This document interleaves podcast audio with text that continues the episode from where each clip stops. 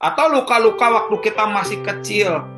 Bahkan kita juga menyerap luka-luka orang-orang di sekitar kita. Jadi begitu banyak kegelapan dalam hati kita.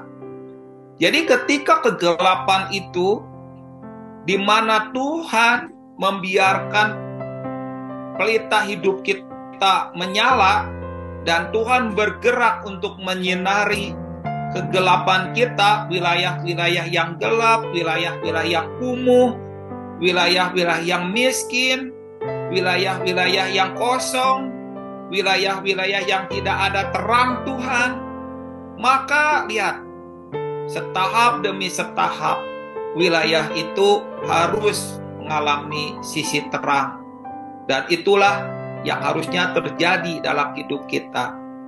Lalu bagaimana supaya pelita kita bercahaya dan menerangi kegelapan kita?